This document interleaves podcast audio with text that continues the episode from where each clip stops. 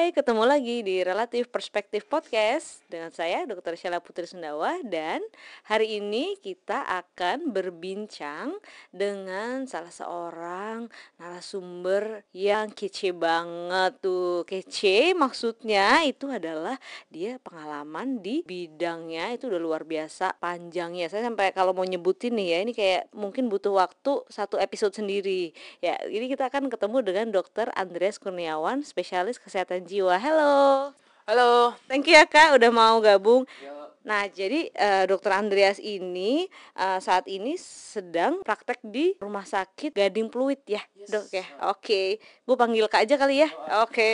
Nah, uh, sebelum beliau praktek sebagai SPKJ beliau juga punya banyak banget kegiatan ada dari dulu tuh suka nulis buku mungkin nih kalian pernah baca bukunya ini salah satu buku ajar yang wajib dibaca untuk semua koas. Namanya buku ajar koas racun itu buku favorit gue. Waktu gue um, masih koas itu kayak seri satu abis seri dua abis terus setiap dibikin buku itu lucu banget. Dan selain lucu edukasi banget buat kita semua yang kadang kayak nggak kebayang ya nanti koas kayak gimana. Oh, itu helpful banget sih buat kita kak. Thank you for writing that. Yes saya tersanjung dan masih banyak banget uh, tulisan yang lain yang di Jakarta Post dia sering juga nulis di situ. Udah gitu uh, kak Andreas ini juga punya kemampuan lebih sebagai seorang psikiater. Dia juga bisa hipnoterapi. Wow. Aku mau dong diajarin. Bisa. Bisa. Asal niat bisa lah asal itu. oke. Oke okay. okay, nanti kita akan sambung lagi perbincangan kita di segmen selanjutnya. Kak, aku tuh kadang bingung ya, misalnya kalau ngerasa sesuatu. Cuman kan kadang kita sendiri nggak bisa menjelaskan apa yang kita rasain itu. Mungkin ada sih beberapa orang yang bisa paham banget, oh gue lagi ngerasa ini dan mungkin uh, dengan dia mudahnya dia tahu apa yang dia rasakan, jadi dia bisa tahu behaviornya dia yang berbahaya, harmful untuk dirinya atau orang lain tuh bisa dia cegah cuman kan kadang beberapa orang termasuk gue nih kak gue tuh uh, apa yang gue rasain ya jadi gue sendiri nggak tahu dengan behavior yang uh, gue lakukan itu nah gimana sih kak caranya supaya kita lebih uh, bisa ngerti dengan apa yang kita rasain sendiri atau mungkin uh, ada nggak sih tipsnya supaya uh, kita bisa mencegah hal-hal yang buruk terjadi dari diri kita ketika kita baru uh, feeling something gitu. Pernah mendengar mungkin istilah mindfulness itu kan lagi in juga saat ini ya. Aha, itu kan tentang mindful. Yang dasarnya sih bahwa kita hidup di sini saat ini here and now. Mm-hmm. Lebih dari itu adalah bahwa kita menyadari, kita aware tentang apa yang kita rasakan. Mm-hmm. Nah, itu adalah dasarnya dari kalau misalnya kita mau men, ini ya menjalani terapi ada namanya cognitive behavioral therapy. Mm-hmm. Jadi gimana kita memperbaiki atau mengubah perasaan kita dengan mengubah pikiran kita. Simpelnya sih gitu. Mm-hmm. Teorinya gini bahwa manusia nggak bisa mengubah perasaannya kita bayangkan misalnya manusia itu punya emosi, katakanlah emosi marah. Yeah. Dan itu bisa kasih nilai 1 sampai 10. Uh -uh. Kita lagi ngobrol nih Shell, terus tiba-tiba yeah. ada orang masuk, marahnya level 9, marah-marah nih. Kalau saya bilang, "Pak, marahnya level 7 aja." Kira-kira bakal berubah nggak? Makin marah lah. Ya kan makin marah karena kita nggak bisa mengubah emosi seseorang. Mhm. -huh. Yang kita bisa ubah cuma pikiran sama perilaku. Oh. Kalau misalnya saya bilang, Kayak Pak duduk dulu, nih minum dulu. Hmm. Saya akan dengerin semua kata-kata Bapak, saya akan dengerin semua omelan Bapak. Dengan gitu aja bisa-bisa level marahnya udah turun sendiri. Tanpa perlu saya turun, suruh gitu kan. Yeah. Nah sama, jadi kita pun nggak bisa bilang bahwa, aduh gue lagi sedih nih, gue mau nggak sedih ah gitu. Itu nggak akan berhasil. Hmm. Sama kita sekarang tiba-tiba gue mau merasa sedih. Kalau emang lagi nggak sedih nggak bisa. Nah gimana cara kita tiba-tiba jadi merasa sedih? Pikirkan hal-hal yang sedih Oke, okay? Kalau kita lagi sedih, kita mau nggak sedih, sebaliknya gimana ya? Pikirkan hal-hal yang menyenangkan, kontak teman, ngobrol hal yang menyenangkan kayak gitu. Nah, itulah kenapa kita perlu kesadaran, nyadari bahwa ini state of mind saya, lagi gimana nih emosinya. Itulah namanya mindfulness itu kita menyadari kita lagi di level mana. Hmm. Karena gini, kalau kita lagi memuncak emosinya, maka kayak akan sia-sia kalau kita mencoba untuk meredakan ini deh. Kalau orang lagi marah banget, lu suruh tenang nggak bakal tenang hmm. tapi kalau dia udah teriak banting barang tenang sendiri sama orang lagi emosinya sedihnya memuncak kita suruh untuk berhenti nangis nggak bakal bisa. bakal bisa tapi kalau dia udah nangis sesenggukan reda sendiri Nah sama sekarang kalau kita mau mencoba untuk gimana supaya kita nggak marah, ini yang biasanya tanyakan gimana dok supaya saya nggak marah gitu. Kenali marahmu ketika lagi kecil. Karena ketika marahmu udah memuncak, udah level 10 atau 9, nggak bisa diberhentikan. Nah, lebih susah lah untuk menghentikan itu. Tapi kalau kita nyadar nih, baru level 1 atau 2 marah ini, oke ini saya lagi merasa marah.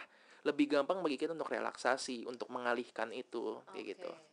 Tadi menarik sih yang lo bilang kak, kalau misalnya kita lagi sedih atau kita lagi pengen sedih, maka kita akan mendengarkan uh, misalnya hal-hal yang membuat kita jadi ya pengen sedih atau kita pengen seneng, maka kita engage sama hal-hal yang membuat kita pengen seneng gitu. Uh, berarti salah dong ya? Biasanya kayak bisa abis putus malah dengerin lagu-lagu patah hati itu. Mungkin itu membantu juga. Itu membantu juga ya. Karena gini juga, uh, ini menariknya ya. Ketika kita berhadapan sama sebuah problem nih dalam psikologi sebuah konflik. Hmm itu cara untuk berhadapannya macam-macam mulai dari kita distraction uh-huh. artinya kita memindahkan ke hal lain gitu uh-huh. sampai justru kita benar-benar hidup di dalam situ jadi gini uh-huh. ada yang ada saran gini ya saya pernah nanganin seorang kasus nih seorang ibu-ibu gitu uh-huh. yang dia itu uh, in, singkat cerita dia pisah dari suaminya terus yeah. dia dari berdasarkan pengadilan dia tidak boleh mengurus anaknya uh-huh. jadi dia cuma bisa ngeliat anaknya dari gerbang sekolah uh-huh. itu itu pun nggak bisa ketahuan sama mantan suaminya karena kalau ketahuan dia bisa ya udah diancam lah gitu bahwa kamu nggak boleh itu jadi kan begitu menyedihkan sekali yeah. yang terjadi adalah gitu setiap kali dia ngeliat anaknya itu dia akan menjadi sedih nangis jadi yeah. orang-orang bakal nanya kamu kenapa terus dia bakal ke wc mencoba untuk menenangkan diri gitu uh -huh. tapi terjadi adalah dia semakin nangis Oke itu yeah. saran saya simpel. Oke kalau gitu kamu udah mencoba distraction, kamu mencoba untuk menenangkan diri, mengalihkan, nggak berhasil. Mm -mm. Gimana kalau coba untuk menangis aja? Jadi uh. izinkan dirimu menangis. Uh. Jadi yang dilakukan adalah target saya gini. Nanti kalau pas kamu ngeliat anak kamu lagi, kamu mau ke WC, kamu boleh ke WC dan tugasmu di WC adalah menangis semenangis-menangisnya. okay. Jadi itu ada istilahnya paradoxical intention. Jadi uh. kita mencoba meminta dia justru untuk menangislah semenangis-nangisnya. Okay. Nah, ketika dia mencoba itu, dia malah jadi, kok gue malah nggak bisa nangis ya, gitu. Dia bilang kayak gitu. Karena tadi ketika dia mengizinkan dirinya untuk menangis, -hmm. akan sampai tahap yang ya udahlah gitu. Hmm. nah jadi kadang-kadang kalau misalnya kita lagi sedih terus kita mau mendengarkan lagu sedih hmm. boleh-boleh aja loh. Oh, yang penting okay. ketika itu menangislah semenangis nangisnya sejadi jadinya jadi memang biarkan kayak gitu. Yang penting nangisnya kan bertujuan. Hmm. masanya kita kadang nangis nggak bertujuan. Gitu kan? Oh, aku baru tahu nih ada nangis yang bertujuan. Yes. karena nangis itu kan membantu ya. Dari riset juga ngebantu bahwa gini nangis itu secara simbolik adalah cara manusia untuk menghentikan rasa sakit. Gampangnya gini oh, uh, saya lagi berantem sama orang, terus saya marah-marahin dia, terus orang itu nangis. Kemungkinan saya kan berhenti marahin dia. ya kan? Itu adalah itu unsur biologikalnya manusia memang kayak gitu bahwa ketika kita melihat orang menangis kita berhenti untuk menyakiti orang tersebut. Hmm. Nah, jadi itu adalah cara manusia untuk menghentikan rasa sakit. Plus ya ada teori juga kan ketika orang menangis itu sebenarnya dia mengeluarkan endorfin. Jadi endorfin kan bikin senang. Internal morfin kan untuk mengurangi rasa sakit, untuk membuat dia jadi lebih senang, lebih lega. Itu yang terjadi. Jadi ketika kita mau menangis ya udah biarkanlah diri kita menangis. Sarannya adalah nangislah semenangis-nangisnya saat itu. Hmm. Yang penting saat itu setelah itu kamu ngerasa lebih lega dan inilah juga mindfulness itu mengajarkan kita untuk ketika kamu lagi melakukan sesuatu, fokuslah melakukan itu. Dan sebaliknya, ketika perasaan itu sudah pergi, sudah reda, jangan ditahan. Yang sering kan orang ketika sedih nangis, ntar begitu udah sebenarnya lebih reda, nggak mau tuh dia merasa reda, dia masih pengen sedih, jadi ditahanlah dipenjarakan rasa sedihnya itu. Oh, Itulah yang nggak okay. sehat sebenarnya. Jadi kalau udah lewat ya udah move on yes, gitu ya. Go. Nah itulah yang susahnya adalah letting go-nya itu.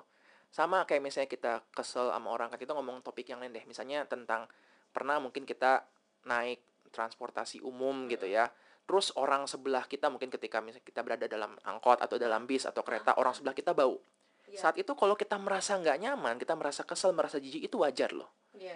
nah tapi akan jadi masalah ketika udah lewat berjam-jam malam-malam kita masih ingat kita masih kesel sama kejadian tersebut. Oh, Artinya iya kan harusnya udah ya? harusnya udah lewat. Jadi saat itu kalau kau masih jijik, masih kesel, masih merasa orang nyebelin gitu, itu salahmu gitu hmm. karena orangnya udah nggak di situ baunya udah lewat tapi kamu yang memenjarakan perasaan tersebut nah mindfulness mengajarkan kita untuk menempatkan sesuatu sesuai dengan porsinya jadi kalau misalnya kita hmm. merasa kesel merasa jijik kita ingat ini kan sudah terjadi di masa lalu kalau saat itu saya ngerasa kesel, saya ngerasa jijik, ya itu wajar, masuk akal. Okay. Tapi saat ini mungkin udah waktunya saya untuk letting go. Nah, nggak banyak orang yang rela untuk letting go. Oke. Gitu. Nah itu sih konsepnya bakal ribet lagi tuh kita bahas mindfulness bisa satu topik sendiri. Nah itu yang ahli tentang itu adalah Mas Aji, Aji Santoso Putro, teman saya juga. Itu praktisi mindfulness yang banyak ngomongin tentang ya gimana membawa mindfulness dalam kehidupan sehari-hari kayak gitu. Nanti kapan-kapan kita ajakin deh di relatif perspektif. Nah, oke, kita lanjut lagi kak ya tentang yang tadi kan kita ngerasa bahwa tentang apa yang kita rasakan itu kan kalau tilikan kita baik ya. Balik lagi kalau mental health kan banyak juga orang yang nggak tahu dia butuh bantuan gitu. Sampai ada orang yang bilang. Nah, sebenarnya uh, untuk hal-hal kayak gitu ada nggak sih yang kita bisa tanggulangi? Misalnya kita nggak pernah tahu oh ternyata gue tuh butuh bantuan ya. Mungkin sebagai uh, sebelum kita sebagai teman mungkin dari diri kita sendiri ada nggak sih alarm untuk diri kita? Kalau misalnya ada sesuatu hal yang salah terjadi sama kita gimana supaya kita bisa cepet sadar gitu? Oke. Nah, ini aku suka nih kalau kita ngomongin istilah alarm ya, karena aku sering mengatakan depresi and anxiety itu sebenarnya kayak alarm. Jadi kita bayangkan ya, kita dalam satu gedung ini, tiba-tiba fire alarmnya bunyi.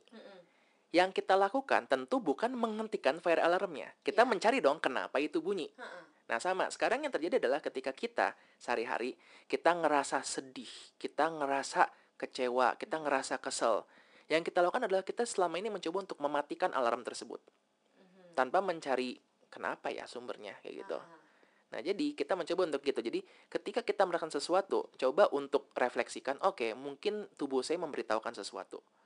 Orang yang depresi misalnya kok ngerasa sedih, oke, mungkin ada sesuatu yang nggak balance dalam hidup lo, ada api lo ini sehingga alarmnya bunyi. Nah, sekarang ceritakan api itu apa gitu. Nah, gampangnya sih gini. Ketika sesuatu itu menimbulkan distress atau penderitaan dan menimbulkan disfungsi, yaitu masalah dalam fungsi sehari-hari entah sebagai ya dalam fungsi untuk merawat diri, Ya. relasi sama orang, dalam bekerja, dalam pendidikan, terpenuhi dua itu, distress, penderitaan, dan disfungsi, itu artinya mungkin sesuatu itu udah perlu untuk ditangani. Sesimpel itu aja. Jadi kalau misalnya kita ngomongin, gue baru berduka nih, gue kehilangan, gampang deh, kehilangan ikan koi gue gitu misalnya kan. Tapi itu membuat dia sampai menderita, sampai dia ngerasa sedih terus-terusan, sampai dia ketika kerja kepikiran tentang koinya yang sudah nggak ada gitu kan. Sesederhana itu itu mungkin perlu bantuan. itu udah alarm Yes, nah, dan sebaliknya orang yang berduka misalnya kehilangan pasangan, kehilangan orang tua, dia merasa menderita, tapi dalam waktu yang wajar bahwa oke setelah satu bulan dua bulan dia mulai bisa pelan-pelan merangkai hidup lagi. Itu bisa jadi suatu proses yang wajar. Belum tentu butuh psikiater. Kayak gitu. Nah jadi kalau ditanya apa alarmnya, ya tadi itu distress dan disfungsi. distress dan Disfungsi. Nah itu kan kalau kita ngomongin secara dampaknya. Iya. Nah, kalau kita ngomong ke diri sendiri juga, biasanya mungkin kita ngomong dari fisik. Fisik kita kadang lebih gampang untuk bicara. Jadi misalnya ketika kita ngerasa, kok gue lebih gampang capek. Kok gue lebih gampang gangguan lambungnya, lebih gampang sakit kepala, Oke. gitu kan. Atau tidurnya kok lebih gelisah, gitu, lebih susah tidur. Itu kadang-kadang udah jadi warning sign juga. yang kita rasain juga bisa menimbulkan keluhan fisik tadi ya Nah, makanya kadang kita bilang ya listen to your body gitu. Tubuhmu mencoba untuk memberitahu sesuatu. Wow menarik banget ini kak kayaknya ini nggak cukup nih satu episode bisa satu seri sendiri. Eh, Oke eh, kita akan lanjut lagi di segmen selanjutnya.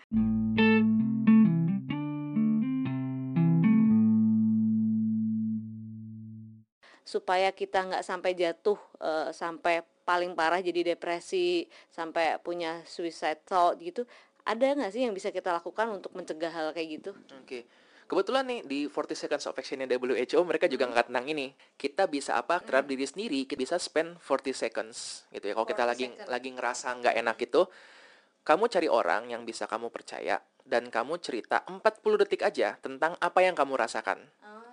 Karena gini 40 detik ntar akhirnya akan berlanjut gitu kan ya. Tapi kadang kan kita bilang bahwa gue mau cerita, tapi gue nggak tahu gue mau cerita apa. Iya. Banyak yang ke klinik juga banyak kayak gitu kok. Dok saya punya masalah, tapi saya nggak tahu masalahnya apa. Ya udah, jadi kita akan mulai situ. Biasanya saya akan mulai dari menanyakan atau meminta dia untuk menyatakan apa yang kamu rasakan. Jadi kita bisa mulai dengan saya merasa apa. Nah, jadi kalau misalnya kan saya merasa kecewa, saya merasa stres dengan keluarga saya, kita bisa mulai dari situ. Itu jadi jendela yang bagus. Karena kita ya mungkin ya nggak terlalu terbiasa ngomongin tentang perasaan kita. Kita biasa kan nyoba dong pikir apa yang kamu pikirkan gitu kan. Iya. Nah, jadi justru dalam terapi kalau misalnya kita mau bicara sama teman kita gitu, kita bisa bilang misalnya mungkin telepon atau message bagusnya sih memang kok bisa face to face interaction ya kita bilang bahwa kayaknya gue ngerasa gini gue ngerasa nggak dihargain gue ngerasa capek gue ngerasa udah terbebani gitu mulai dari situ aja kadang hanya dengan ngomong gitu aja dengan orang yang kita percaya itu udah ngebantu Nah, sekarang kan orang yang dipercaya ini seperti apa gitu. Pada dasarnya sih carilah orang yang kita cukup yakin bisa untuk mengerti sehingga dia nggak judgmental.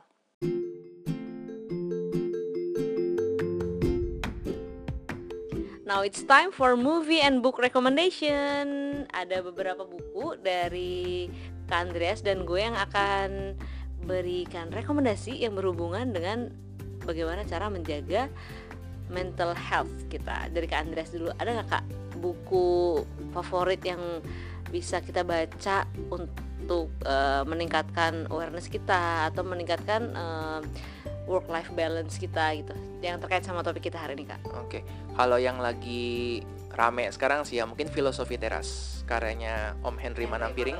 Yes, itu bagus banget karena dia ngangkat kesehatan mental dalam bahasa yang sangat-sangat populer dan gampang dimengerti. Sebenarnya beliau itu ngangkat tentang filosofi ya, stoa gitu yang berat, tapi diterjemahkan dengan sangat gampang. Nanti situ kita akan belajar tentang tadi gimana ngebalance hidup, gimana kita bisa letting go, gimana kita bisa memperjuangkan sesuatu. Ya kita mencari mencari tahu yang mana yang bisa dalam kendali kita dan yang mana yang nggak dalam kendali kita itu sangat gampang untuk dibaca dan praktikal banget itu sangat bagus nah apalagi buat teman-teman yang ya kayak nih ya yang banyak tantangannya ketika kita bisa mengetahui ini mungkin hal ini tidak dalam kendali saya jadi saya harus terima aja itu akan lebih damai hidupnya ya gitu Oke, okay. uh, aku belum baca. Nanti aku baca bukunya. Okay. Ada buku lain atau film yang bisa kita tonton nggak kak? Yang mungkin bisa memotivasi kita? Oke, okay. mungkin buku kali ya. Kalau ini ada satu buku yang kalau misalnya kamu banyak baca-baca buku tentang self development, biasanya buku ini sering disebut, yaitu Viktor Frankl yang nulis Man Search for Meaning. Ah, aku belum baca itu. Oke, okay. itu buku juga bagus banget tuh cerita tentang seorang neurolog psikiater yang dia itu masuk ke dalam camp konsentrasinya Nazi waktu Perang Dunia. Jadi itu menceritakan tentang gimana dia menemukan makna hidup. Wow.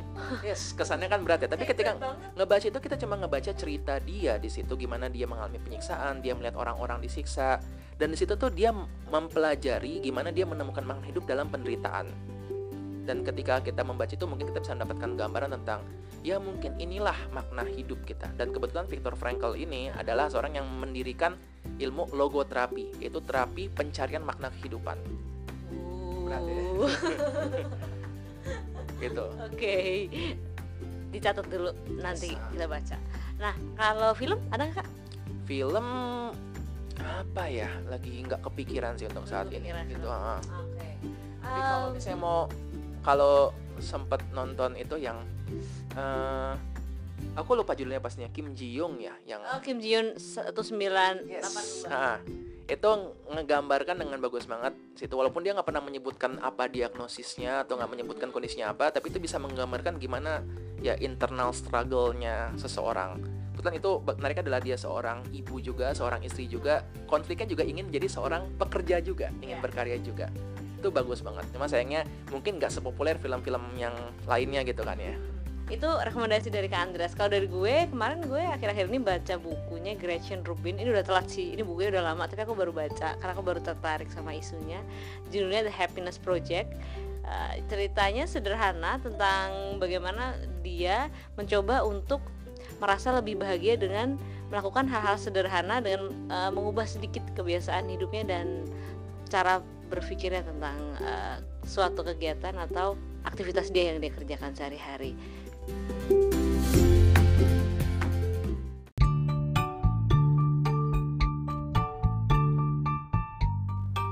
So that's the end of our relative perspective podcast kali ini. Kalau mau diskusi lebih lanjut, request topik buat dibahas, langsung aja kirim email ke relative.perspective at gmail.com atau DM kita di Instagram relative.perspective. See you!